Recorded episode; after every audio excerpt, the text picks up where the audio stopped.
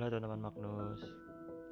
Kembali lagi dengan Renungan UKM Albertus Magnus Edisi Senin 14 Februari 2022 Pada renungan kali ini Ayat yang akan diambil adalah Lukas 6 ayat 23 Sekali lagi bagi yang ingin mengikuti Lukas 6 ayat 23 Nah, alangkah baiknya sebelum kita mulai membaca Injil Kita mulai dengan tanda kemenangan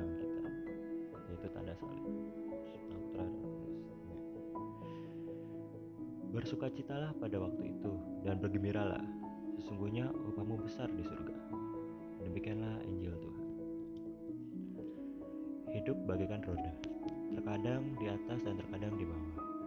Ada saatnya kita merasa menjadi orang paling malang di dunia dan ada saatnya kita merasa menjadi orang paling berbahagia seantero jagat. Yesus mengajarkan kita melalui bacaan hari ini bahwa sekalipun kita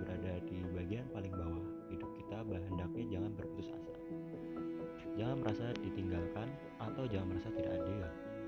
Namun sebaliknya di saat kita merasa miskin, sadarlah bahwa kita tetap memiliki Allah yang maha kaya.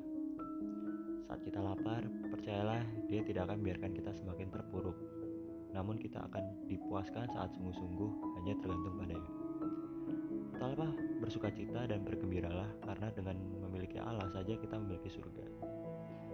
Demikian juga bila kita sedang merasa semua keberuntungan berpihak pada kita.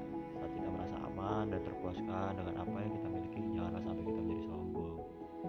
Ingatlah, hidup itu bagai roda yang berputar, yang pernah jumawa ketika di atas dan jangan menjadi putus asa kita berada di bawah.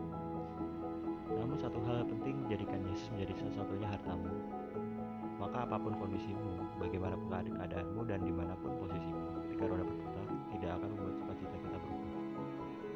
Kekuatan yang tetap selalu ada dan berbahagialah karena upahmu besar di surga. Ya, sekian renungan ini. Terima kasih.